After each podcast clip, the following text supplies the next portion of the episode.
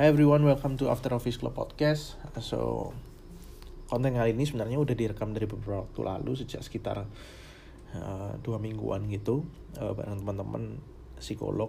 Uh, ada yang jadi konselor, ada yang jadi HR, ada yang jadi operation director di berbagai kota, ada yang di Surabaya, ada yang di Balikpapan. So, tujuannya cuma sekedar ngobrol santai. Uh, just want to share about our current situation di masing-masing posisi. So enjoy it and hope everyone who listen to this podcast uh, ada yang bisa didapat gitu. Thank you. Eh, Kak Tias kan? ada Eh. Kak Tias. Apa kabar Kak Tias? Kita join ya. Hah? Susahnya tadi aku masuk nah. Hah? Sinyalnya lagi jelek di sini berapa hari. Oke kok. Ayo. Hai. Mana? Apa kabar sih Win? saya? Eh, apa kabar Tias? Dan Dito ya. Oh ya ampun. sini dong. Dan Dito. itu. Mangkai. Ngidam dan Dito tuh Winda. Eh, eh kok, Iya. Kenapa?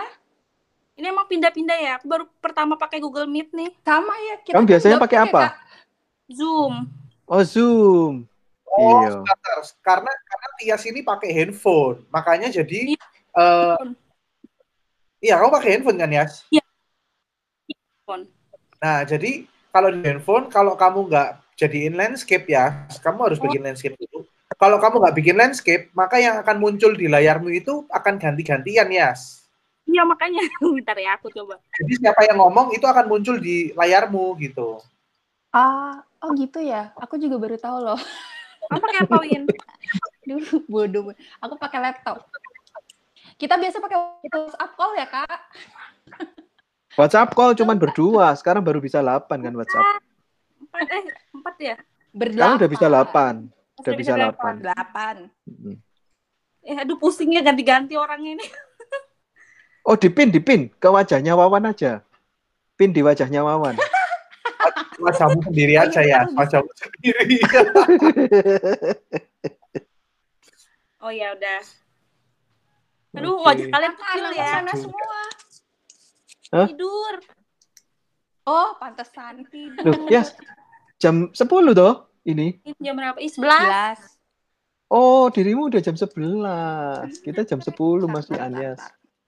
Waktu Indonesia kepiting dan itu itu soal yo. Iya, iya. Indonesia kepiting dan itu. Aduh. Di sana Tuh. WITA itu tapi waktu Indonesia WIK tapi WIK waktu Indonesia Iya. kepiting dan itu itu jenenge. Hmm, Yas, sekarang anakmu dua kan, Yas? Iyalah dua. Anakmu. Mantap. Lu terus, Yas. Kamu masih aktif di Kerja. kerjaanmu? Masih aku Hmm. dari awal cuti melahirkan sampai sekarang WFH.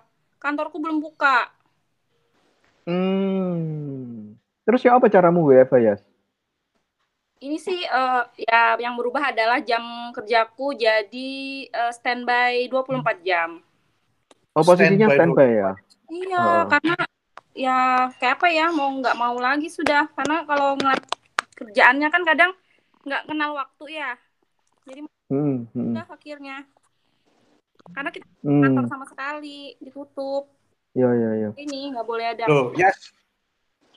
Yes, tapi maksudnya se nggak kenal nggak kenal waktunya kan ketika kamu bilang standby 24 jam kan nggak mungkin kamu akan mengerjakan sesuatu di luar pas jam tidur nggak. Cuman sampai iya sampai jam toh. 9 tuh masih ada bahas-bahas kerjaan. Oh, Hmm. ya itu Kan sih. kamu kerjaan psikolog juga toh, Yas? Iya, Yas. Kalau ke psikolognya psiko- enggak sih, banyak ke SDM. Apa, Yas? Rekrutmen. Kalau yang sekarang ini ya, eh, kalau rekrutmen kan lagi kurang ya, karena emang banyak pengurangan. Sekarang ya ini lebih banyak ke ini, kalau misalnya ada eh, masalah-masalah aja, coaching-coaching. Coaching. Ya apa ya? Secara nih coaching online ya? Ini coaching, coaching ala kadarnya karena nggak bisa ketemu. Iya, iya, iya. Ya Terus ya apa cara nih coaching online? Ini sih, eh, pertama ada mediasi sama ininya juga, sama user. Kalau aku kan ini ya, Mm-mm. kok banyak megang klien ini, apa kan perusahaan outsourcing ya. Jadi karyawan-karyawan Mm-mm. outsourcing gitu loh. Hmm, Terus? Jadi ini apa namanya eh, sama usernya sih kadang kita diskusi dulu kan eh, masalah ini masalahnya apa baru nanti kita ini ke ininya karyawannya. Kasus yang paling banyak kasus coaching apa ya? Kalau yang paling banyak eh, disiplin sih kok kalau orang-orang situ. Aduh, Masuk telat ah? iya sama di sini tuh apa ya kalau di daerah itu lebih banyak ini eh, orangnya kan karakternya kan kalau misalnya ada apa-apa itu udah bawaannya itu udah kayak adat gitu loh kok. Senggol bacok. Maksudnya? Iya, enggak, ya itu. Kalau enggak nanti dia ngelapor sama apa sih namanya sih? Apa sih Orang namanya? adatnya.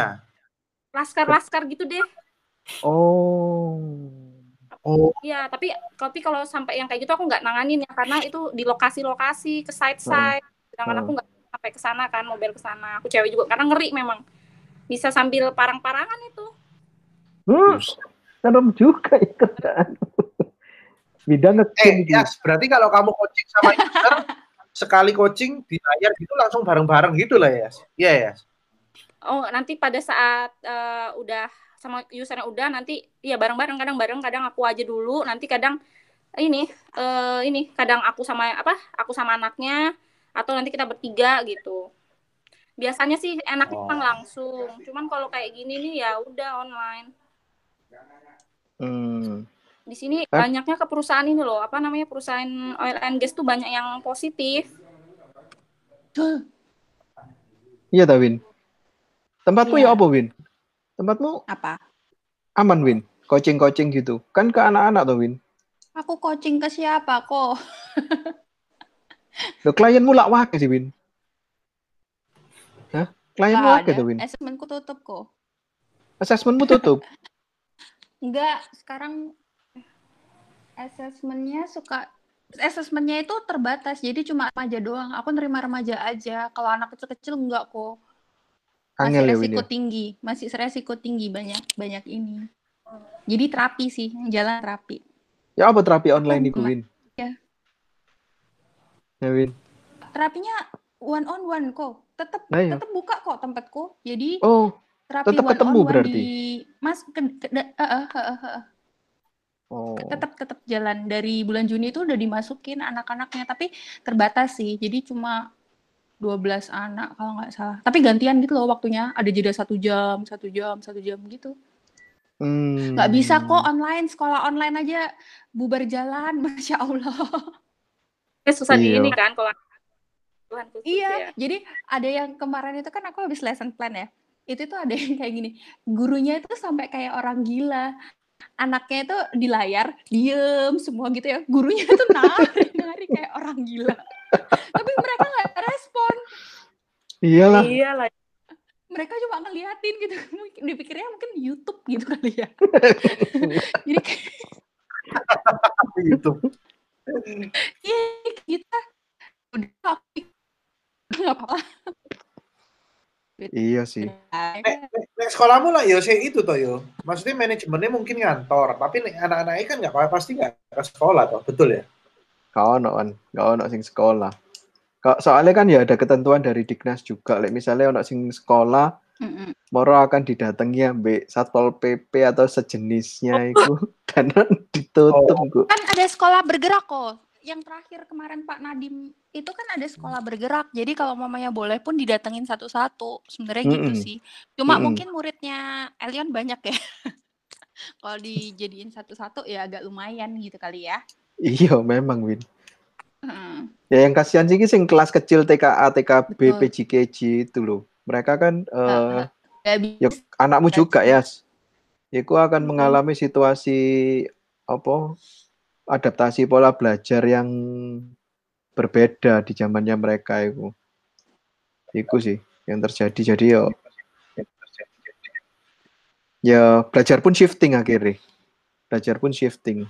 Oh aku, oh aku banyak ini keluhan orang tua sekarang. Aku menerima eh orang tua yang stres punya an- school for home Hmm, itu sih. hmm, Jadi kayak emang ya. stres gitu. Anak saya nggak bisa zoom miss, nggak bisa zoom.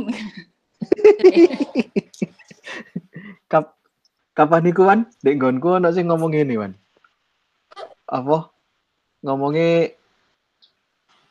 ngamuk-ngamuk.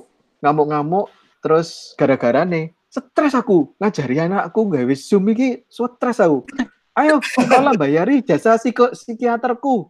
Sekolah bayari jasa psikiaterku. Gara-gara ngajari arek-arek gawe Zoom iki aku sing stres kudu tak banting ae laptopku iki. Jadi yo yo yo apa Tapi sing jadi sing jadi sing jadi guyonan di banyak di banyak sosial media kan iku. Ketika banyak orang kemudian eh, komen bahwa Hmm. ternyata ngajari anak iki susah yo, ngajari anak untuk belajar iki susah ngono. Terus Betul. terus kemudian mereka banyak sih ngomong kayak ya tapi bagiku ini rodok sedikit debatable sih. Kayak mereka bilang gini.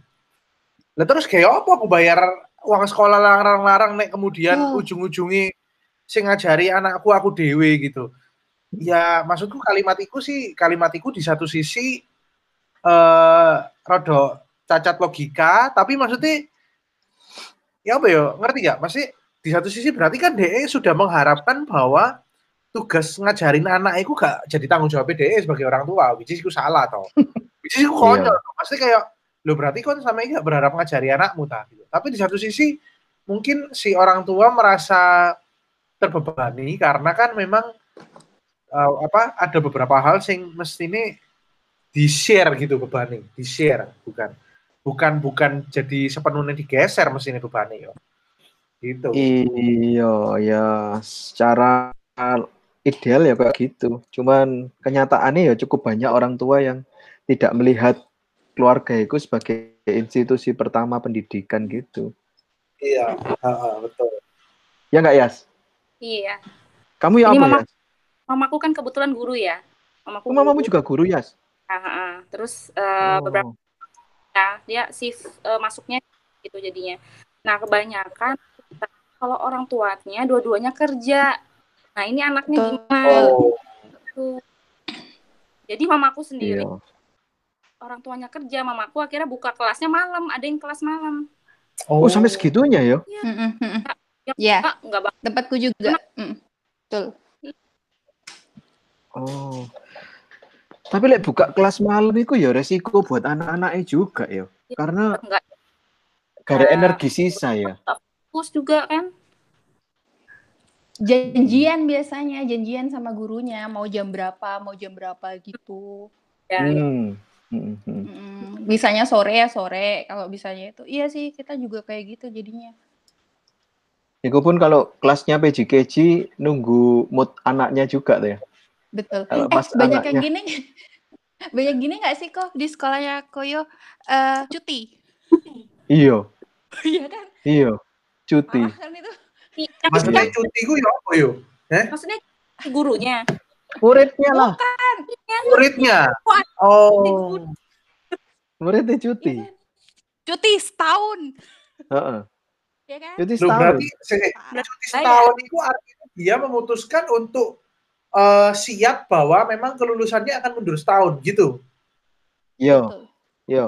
Umurnya dibuang setahun. Bayar nggak sekolahnya? Enggak. Enggak, nek Ya. cuti Langsung enggak bayar. Menghindari bayar itu, makanya cuti juga. Menghindari bayar Terutama yang TK ya, Oh. Ya. iya. Terutama TK ya. Mm-mm. Sama Ngono. tuh SLB juga itu tuh. Kita kehilangan hampir 12 anak Oh ya, Heeh, karena itu Yo. kok. Karena lumayan dianggap sih. ya karena dianggap nggak penting. anakmu belajar bo, bo ajari dewe gitu dong, Yas. Anakku masih, iya, anakku masih tahun belum sampai tiga tahun, Wan. Belum tiga tahun. Oh. PG toh, Iya, ya, Eh, iki mestinya playgroup toh. Kenapa enggak? Aku anakku di rumah. Hmm. Ya, Aku ini karena aku di rumah terus kan. iya. Kalau tiga tahun kan mestinya udah playgroup, ikut Winda itu. Bunda ya Aku nggak di playgroup Oh, kok. Oh, di mana kamu Win? SLB tempatku, bukan, bukan playgroup. Oh, Iya iya, iya iya. Getsa sering ber berinteraksi denganku. Oh, iya dah. Iya, iya. Wan, kon lah apa, Wan? Titip serius. jauh. Anaknya mana kak? Tidur. Kok tidur jam segini? Agak bu, ya tidurnya jam 3 semua. Oh, oh, oke. Lagi biasa lagi ini. Oke, Jam baik. tiga subuh. Iya. Oh. Bangun tidur gitu loh.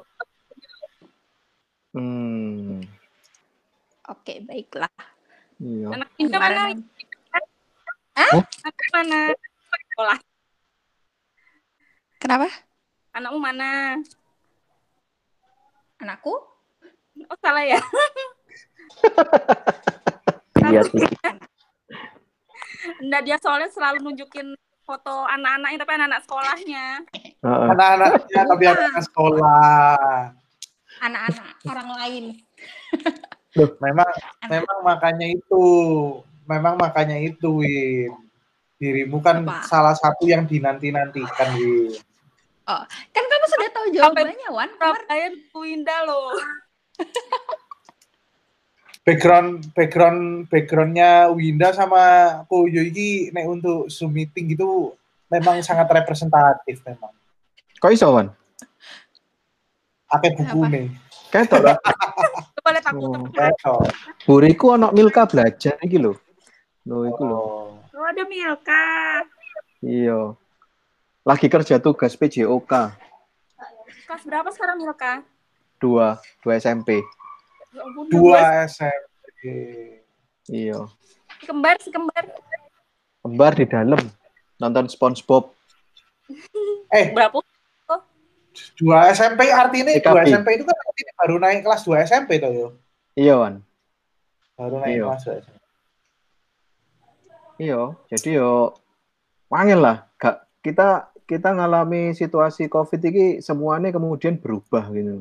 Ngajar berubah, kerja yo berubah, ya kan? Jadi orang-orang ini kemudian bisnis kuota ini menjadi sesuatu yang sangat menguntungkan. Win dirimu kok freeze Win? Winda kok nge-freeze ya? Sinyalnya deh ya. Iya. Iya, satu hal sing satu hal sing satu hal sing dirusak ambek Covid ini sebenarnya menurutku adalah standar. Kok iso Ah. standar? Ah, Jadi gini, gabung lagi. ketika ketika gini. Ketika covid datang satu hal yang dirusak itu adalah standar. Apa kok iso standar? Kita dulu bisa ngomong oh bisnis yang baik itu seharusnya startingnya kayak gini. Pendidikan yang baik itu harusnya ada interaksi antara ini dan ini gitu. Atau kemudian misalnya oh bisnis F&B atau bisnis sekolah atau bisnis apa pun itu kayak kita tahu punchline ini standarnya itu harusnya gimana. Minimum standarnya harus gimana. Hmm. begitu ada covid kayak semua standar itu langsung rusak gitu. Kayak ya there's no standar ada nih standar yang baru sih yang harus kita ciptakan which is at some point sebenarnya ada sisi menguntungkannya nek bagi orang-orang yang cukup maksudnya bagi pihak-pihak atau bagi sektor-sektor yang cukup kemudian jeli atau bisa strive forward gitu. Karena apa? Ketika kemudian standarnya dirusak berarti kan semua dalam kondisi disequilibrium gitu. Kayak standarnya balik nol lagi ngerti gak kayak semuanya Hmm. balik nol lagi. Kayak semuanya akan racing di racing di jalur yang sama dengan standar yang balik masing-masing kosong gitu. Kayak kita harus sama-sama untuk contoh misalnya ya nih di food and beverage gitu eh kayak kayak misalnya tempatku gitu misalnya ya. Tempatku gitu sekarang nggak terlalu pusing dan nggak terlalu eh apa nggak terlalu ciut nyaline nek kemudian harus head to head ambil Ismaya misalnya. Ismaya Hmm. Group. Ismaya Group kan gede ya. Ismaya Group di Hmm. Surabaya kan banyak. Ada kitchenette ada people cafe Ya. ada macam-macam gitu. Dia kan memang gede secara grup cuman kita jadi nggak terlalu pusing head to head sama mereka karena mereka pun juga harus slowing down dan untuk no standar baru. Contoh sesuatu sing sederhana sing sangat di copy untuk semua nih kita sekarang naik ke tempat makan sing levelnya masih lumayan cukup well gitu ya kayak di cafe eh typical service waiter itu udah nggak terlalu diferensiasi sekarang. Nggak terlalu beda. Kita nggak akan bisa ngomong bahwa eh service restoran A itu terlalu top notch dibanding restoran B Karena satu, model menu sekarang wis hampir sama semua. Semua orang naruh bar QR bar, barcode di meja supaya orang um, scan menu dari QR barcode. Situasi penjelasan produk knowledge itu langsung turun drastis. Langsung turun drastis. Bahkan customer saya menghindari uh, waiter deket ambil jelas no gitu itu menghindari. Mereka mereka cenderung untuk melihat secara mandiri di QR, QR code itu. Itu Hmm. pertama. Kedua, eh, korporasi besar biasanya main di mall, betul loh.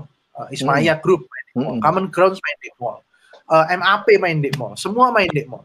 Dan sekarang semua mall lagi slowing down. Semua mall itu, itu jadi rahasia umum.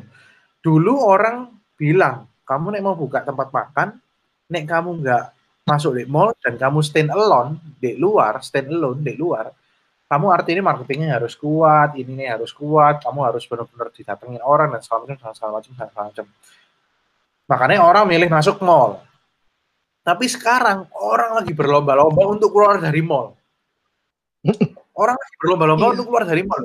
Kamu tahu mall-mall itu sekarang orang itu sing lagi di dalam mall, mereka lagi berlomba-lomba untuk minta pengurangan bayar, minta nggak bayar service charge, minta nggak minta nggak bayar ini, nggak bayar itu dan segala macam.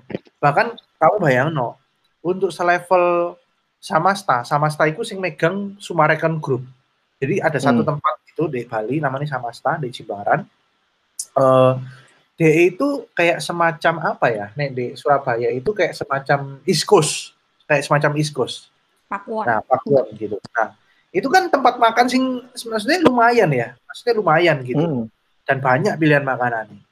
Eh, dan belakangnya hotel, Movenpick, hotel bintang 5, hotel bagus. Tapi karena nggak ada turis, nggak ada traffic, akhirnya mereka sampai bikin sistem drive-thru. Bayang no, East Coast dibikin drive-thru. Ya apa caranya?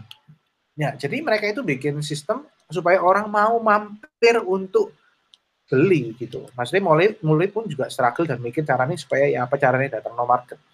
Cuman tetap ada situasi yang menurutku kayak eh, eh, harus dipikir ulang karena begitu mereka minta drive thru ternyata mereka justru yang minta dari semua tenan untuk nyiapno orang satu orang lagi untuk riwariwi Mm-mm. dari tenan ke mobil. Ya. Nah, artinya kan gini loh. Sekarang ibaratnya sales saya cuma 10.000 ribu, misalnya ya. Sales cuma 10.000 ribu. Lah kan harus invest lagi another person, nambah lagi orang untuk gambling up, untuk gambling supaya salesmu naik gitu, which is belum tentu. Tapi kan nambah orang itu pasti fixed cost. Tapi sales naik itu belum tentu terjadi toh. Gitu. Jadi kayak ya standarnya rusak gitu. Mall, kita nggak bisa lagi bilang mall itu sebagai sumber pemasukan sing oke gitu. Terus sekarang nggak usah jauh-jauh kalian bertiga ya. Kalian disuruh ke mall gitu, mikir-mikir loh pasti. Nih nggak kayak kayak tias ya. Tias dulu seminggu minimal tiga empat kali ke mall. Ya toh Sherty, ya gitu. Ya toh Nggak pernah ngem Sherty, Zara, ya toh eh H&M, ngono. Sekarang Pol, kon disuruh ke mall. Gak ada Zara di sana. Nah, sekarang disuruh ke mall, males. Gitu. Jadi ya standarnya rusak. Dulu orang bilang kalau bisa jangan makan frozen food, makan yang fresh-fresh, beli ke pasar, pergi ke pasar. But now everyone is making frozen food. Semua making frozen food. Boga Group, Ya. Common Grounds, uh, semua making frozen food and everyone buying frozen food. Gitu. Jadi kayak ya the standard shifting, standarnya shifting. Sing dirusak standar, kemudian orang harus bikin standar baru gitu itu kemudian yang disebut dengan new Ya. normal tuh masalahnya kayak gitu sih ya, aku lihat sih gitu Pakuwon pun juga melakukan hal sama kan, ya Win ya. Hmm? Dia me- membuat personal shopper itu loh. Iya, iya betul. Personal shop, shopper dan kemudian like, mau belanja orang garek texting, dibeliin, setelah itu baru ketemuan jam berapa, Bisa drive thru, bisa dikirim kan? bisa drive Oh. bisa dikirim. Eh, eh, bisa diambil Iya. sendiri atau dikirim. TP sama Supermall. Ya, grup Pakuwon ya. Hmm. Tapi kan kenikmatan ke mall itu adalah window shoppingnya itu tuh. keliling-keliling terus kita ngeliati ngeliati satu etalase ke etalase lain nah itu loh Iya. iku, iku sing hilang kemudian sensasi sensasi jalan-jalan nih di mall iku. Jalan-jalan gak Iya. penting. Iya sih. Penting ndek loh. iya. Nek ndek psikologi ini dewek sing kita kesulitan itu adalah sekarang itu tes online. Tes. Tes psikologi. Nah itu angel tes psikologi mau dilakukan. Nggak bisa bukan kok.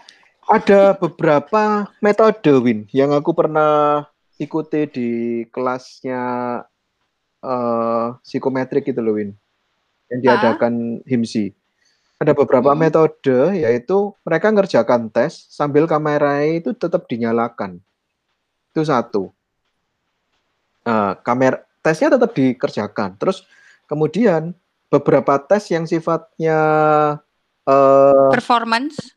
performance test itu mereka kasih time. Jadi Ah. model Hmm. tes-tes dengan batasan waktu itu. Terus tes-tes kepribadian ya mereka harus mengerjakan eh baterai tes ya.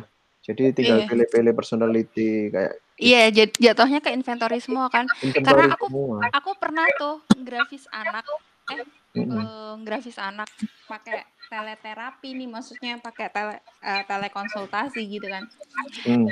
Nggak diadepin kok kalau sama anak kecil itu ya, jadi gini, ayo ke bawah kameranya taruh bawah, taruh bawah, agak ke bawah, kan kita pengen lihat dia. Nulisnya kan, ditutup terus. terus Iya, ke bawah ditutup lagi. Nggak bisa untuk anak-anak bener deh. Aku kayaknya. Iya. Ya, memang sulit ya. Memang Nah, sulit. oh itu dia. Itu siapa itu kok? Ini Piel. Oh, Iya. hai Ini Piel, dada itu loh.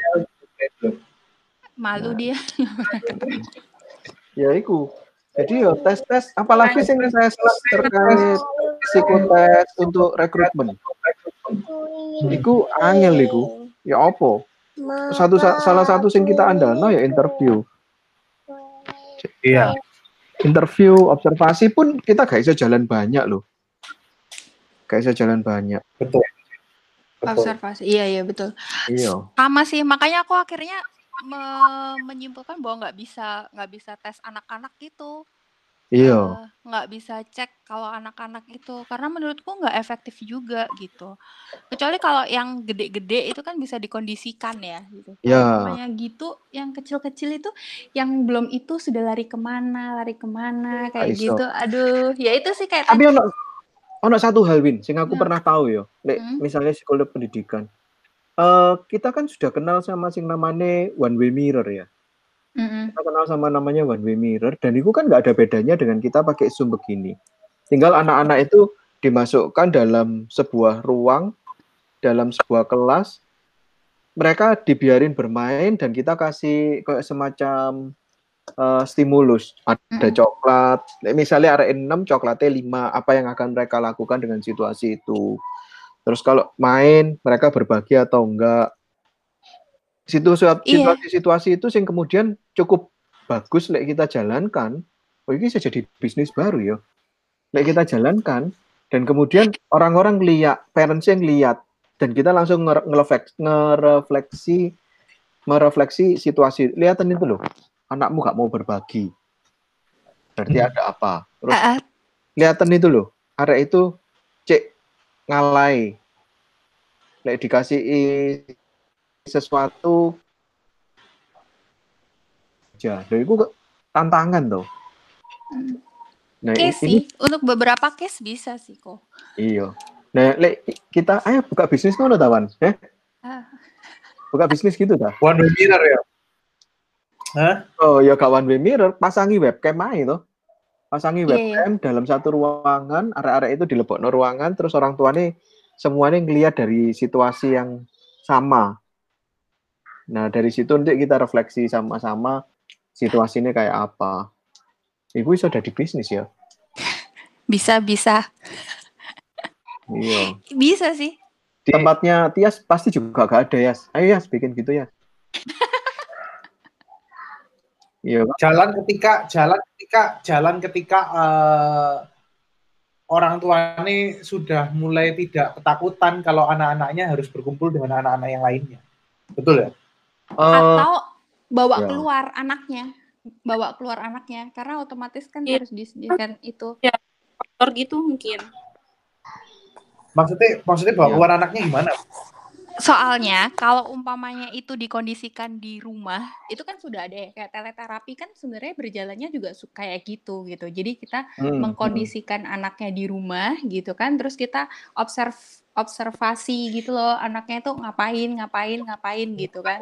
Tapi kalau Hmm. umpamanya kita kondisikan stimulasinya, otomatis kan kita harus mengendalikan situasi yang benar-benar harus ada apa, harus ada apa, harus ada apa yang kayak gitu itu loh.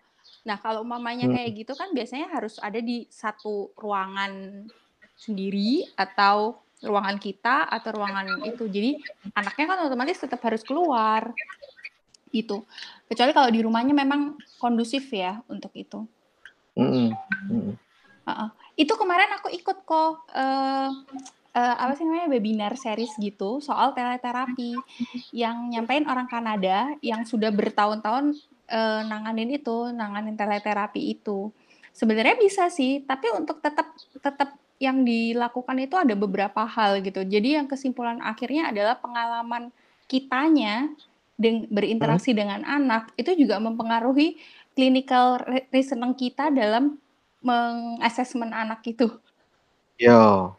Jadi kalau umpamanya kita semakin kita punya eh, pengalaman yang banyak berinteraksi dengan anak, biasanya kita akan lebih jeli di dalam observasi. Ah. Tapi kalau eh, apa sih namanya? Kalau kita memang nggak nggak aware sama itu, ya bisa jadi kita nggak dapat apa-apa.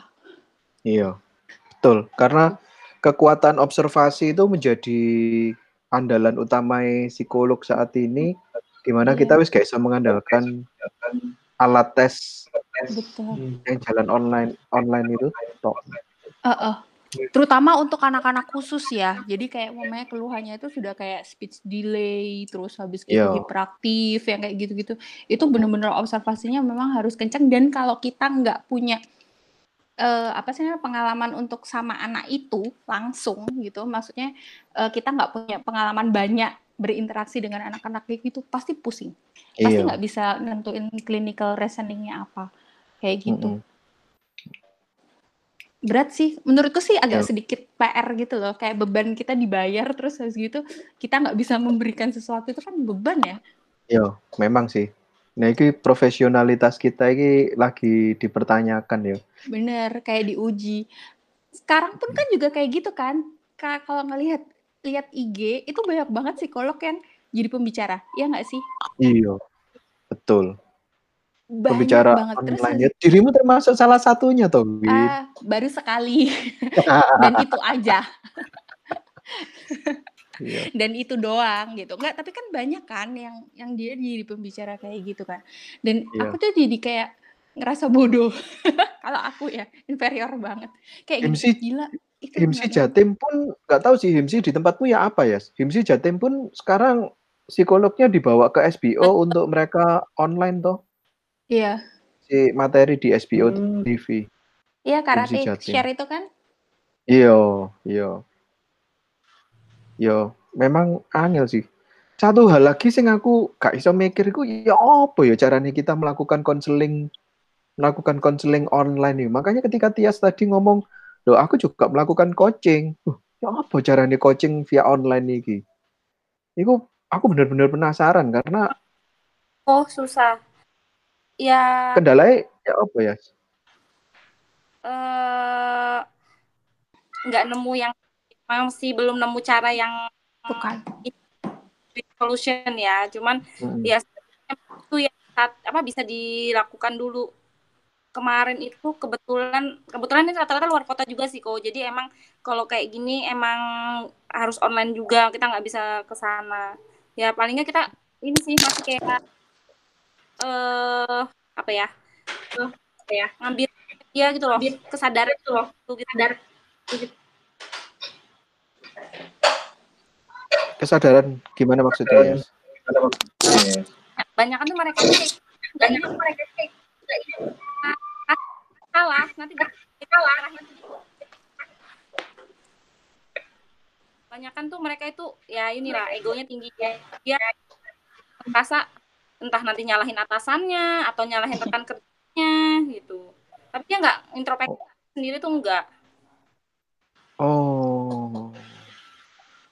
Yo, ya, Tapi itu kan lebih itu- ke arah rendah pendidikannya rendah jadi ya ya apa yang ngatasin orang-orang yang ini kan harus benar-benar yang inilah kitanya benar-benar harus yang sampai dengan bahasa pun bahasa yang benar-benar yang dia pahamin gitu. Kita nggak bisa ngomong sembarangan juga nggak bisa nggak nangkep nanti hmm, hmm, hmm.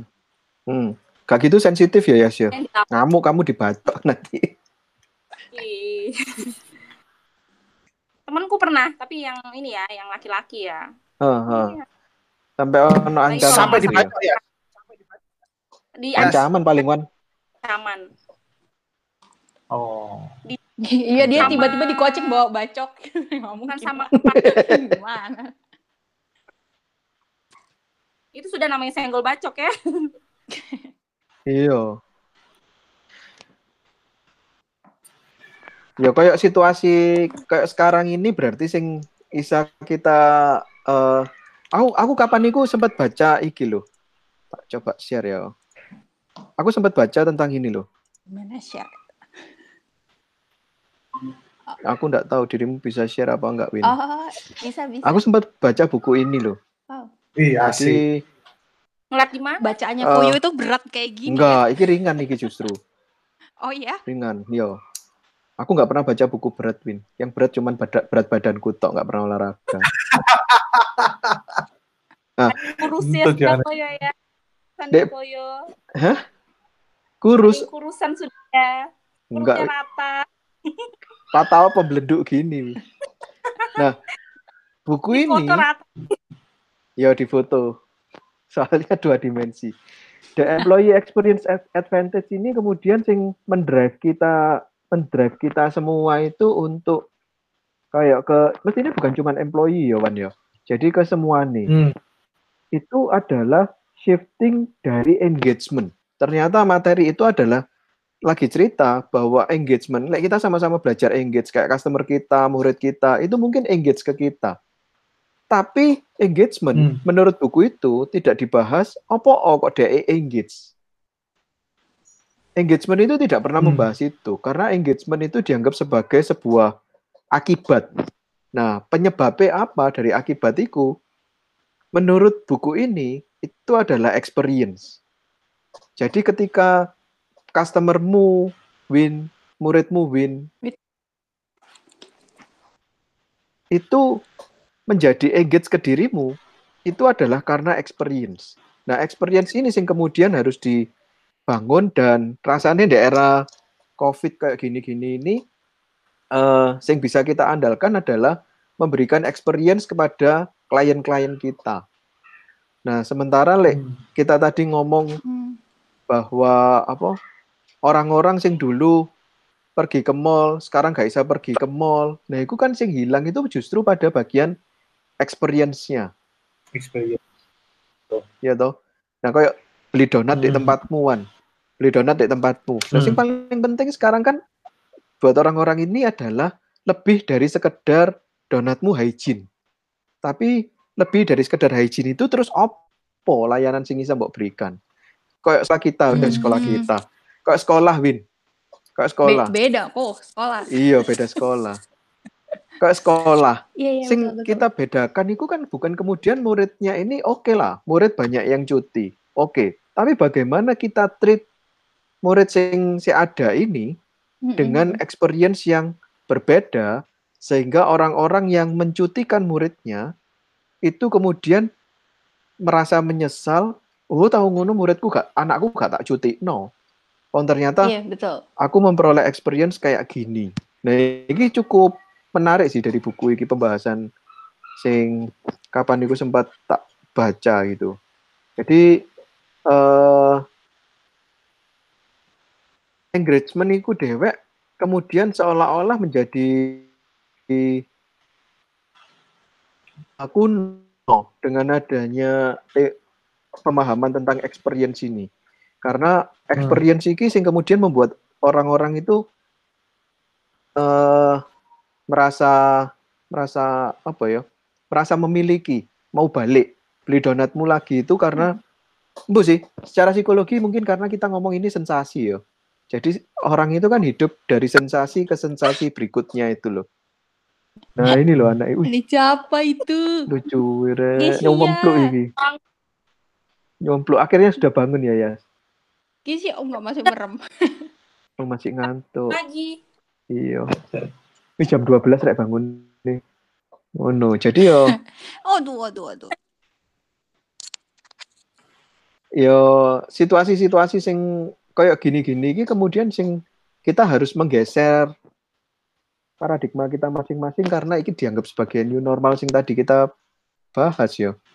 Sing kita tadi diskusi no itu. Tapi setuju kok. Itu tapi itu kan kayak baru-baru dapet. Itu sekitar kita sekarang-sekarang ini nggak sih? Ya nggak sih? Kalau kemarin-kemarin waktu kita langsung ada COVID terus banyak PSBB itu kita nggak bisa mikir kayak gitu kan? betul tapi baru, Win baru hmm? buku ini buku tahun 2017 loh Iya, keren ya bisa memprediksikan. betul aku lagi berpikir ya apa ya caranya orang-orang ini kok seolah-olah mereka itu bisa memprediksi beberapa bulan beberapa tahun ke depan dari saat itu seolah-olah tapi bahwa ini kebetulan yo mestinya bukan kebetulan juga sih sudah disiapkan jawabannya juga iku jadi yo Iya sih. yang kita bangun ini kemudian larinya ke ya apa caranya membuat experience yang berbeda lebih dari sekedar eh lebih dari sekedar pengalaman bahwa sing tak jual bersih, sing tak kerjakan ini normal gitu loh. Iku, Betul. iku sing Itu sharing kok. Kayaknya aku ini ya. Jadi yang tiga bulan awal, eh dua bulan awal itu kan anak-anak terapiku kan berhenti semua ya, total. hmm, hmm, Semua berhenti, nggak ada kegiatan apa pun selain daring. Pokoknya kita cuma mengandalkan dari sekolah doang nih gitu. hmm, hmm, belum belum ada sekolah yang cuti-cutian itu anak-anaknya gitu. Tapi pada saat proses bulan April itu, aku sok ngide waktu itu untuk tetap menghubungi anak-anak yang terapi hmm, gitu. Eh, itu base base experience dari eh, keluhannya Bu Sandra sebenarnya. hmm, hmm, hmm, Jadi keluhannya Bu Sandra kan juga harus off kan, harus off Mm-mm. semuanya gitu. Terus Mm-mm. kita tuh kayak eh, memikirkan bahwa kasihan ya terapis-terapis ini gitu hmm, eh, yang yang nggak terikat di dalam satu instansi, ya kan? hmm, Jadi yang mereka mendapatkan penghasilan itu kayak dari satu anak terapi, satu anak terapi, terus begitu off, mereka nggak punya penghasilan sama sekali, gitu kan? hmm, hmm, Off gitu. Terus habis gitu, eh waktu itu salah satunya ngobrol sama Pak Wawan juga ini. hmm, hmm, Iya, untuk untuk jalin eh, apa sih namanya? Apa yang bisa kita lakukan pada saat itu bukan untuk hari ini tapi untuk ke depannya itu kayak gimana gitu kan. Hmm, hmm, waktu itu terus habis gitu aku sok ngide dengan aku tetap menghubungi eh, orang tua yang terapi-terapi ini. Jadi aku Mm. sendiri. Jadi jadi Mm. kalau terapisnya kan mungkin mereka nggak terlalu ini tapi kan ka- karena aku yang evaluasi jadi aku sendiri yang aku menghubungi satu-satu saya kasih home program dan sebagainya. Dan itu memang efeknya kok itu jadi banyak juga yang jadi curhat ke aku.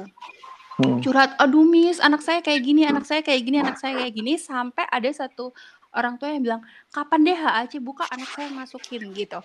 Dan hmm, hmm, di luar ekspektasi adalah kan aku di Royal sama aku ada di HAC ya.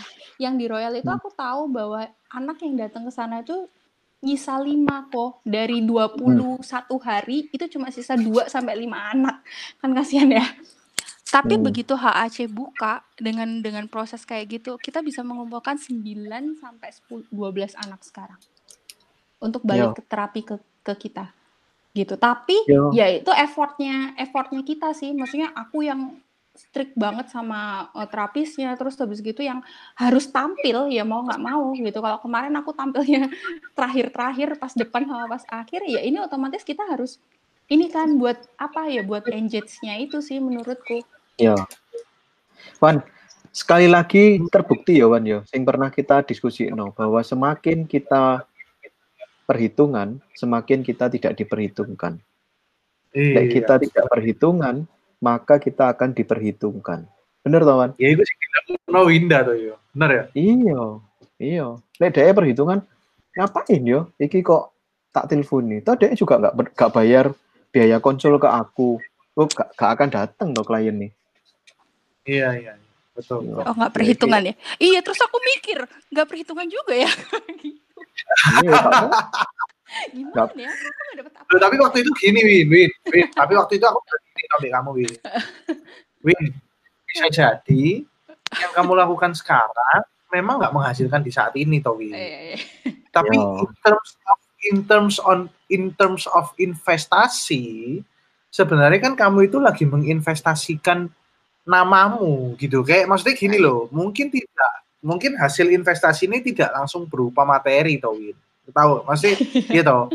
Waktu itu kan ngomong gitu kamu. Waktu mesti ini ketika kamu melakukan itu investasi ini tidak langsung berbuah materi. Tapi kamu tahu kamu lagi nanam sesuatu, Win. Kamu lagi nanam Iya. no, eh, namamu, nancep no namamu ke orang-orang itu. Eh, jadi tidak di masa depan kemudian di mereka masa sudah depan, tahun depan. Ya loh, that's masa depan also, ngerti gak maksudku? Tapi maksudku kan ketika orang orang eh, dalam situasi ini dibutuh gitu, namamu itu on the top list gitu, kayak udah gak usah diragukan lagi namamu on the top list, which is good tau, Win. gitu tau. Iya sih. Ta- Tapi aku suka kayak gitu kan, melakukan dulu terus baru mikir, eh kok nggak perhitungan juga ya? gitu. Tapi Terus tapi gini, ya, tapi, gini, ya? terlepas dari terlepas dari terlepas dari situasi tidak berhitung nih. Kalau kita mau ngomong misalnya, kalaupun kamu sempat pikir, oh ya nggak hitung ya dan segala macam, maksudnya secara materi dan segala macam, gitu toh. Sebenarnya dibilang nggak dihitung sama sekali, ya nggak perlu maksudnya nggak perlu sampai berkecil hati bahwa tidak akan ada returnnya. Gitu. Maksudku gini Iya loh. sih, Maksudnya gini loh. Returnnya itu kan macam-macam Win. Return itu Iya. kan enggak returnnya kan macam-macam gitu. Dan dan ya tinggal nunggu masa panennya udah kan gitu aja. Simpelnya kan gitu Win. nunggu, iya betul. Iya, tunggu, Kita tunggu menunggu. masa panennya. Kita menunggu. Which is pasti panen. Maksudku gini, which is pasti panen. Ya, pertanyaannya kan someday. pertanyaannya kan tinggal kapan dan bagaimana. Mm-mm. Kan intinya Mm-mm. sesederhana itu.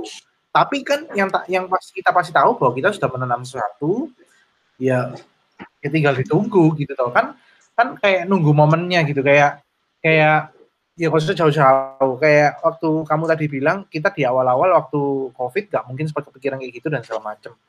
Eh ya karena momennya kan geser ya. Kayak kayak ya sesederhana gini deh. Orang ketika ada sing positif covid di Indonesia satu dua orang and then everyone become panic gitu kayak semua orang eh, bingung cari hand sanitizer masker dan segala macam Iya. gitu And then ketika sehari sekarang sing positif positif 1900 hampir 2000 kayak banyak orang malah goes ya toh Man- banyak orang malah keluyuran ya toh Ah, ini Gila. ada waktu gitu kayak ada waktu nih ketika kemudian ya akan shifting gitu kayak ya akan ada waktu nih kemudian shifting sih Win.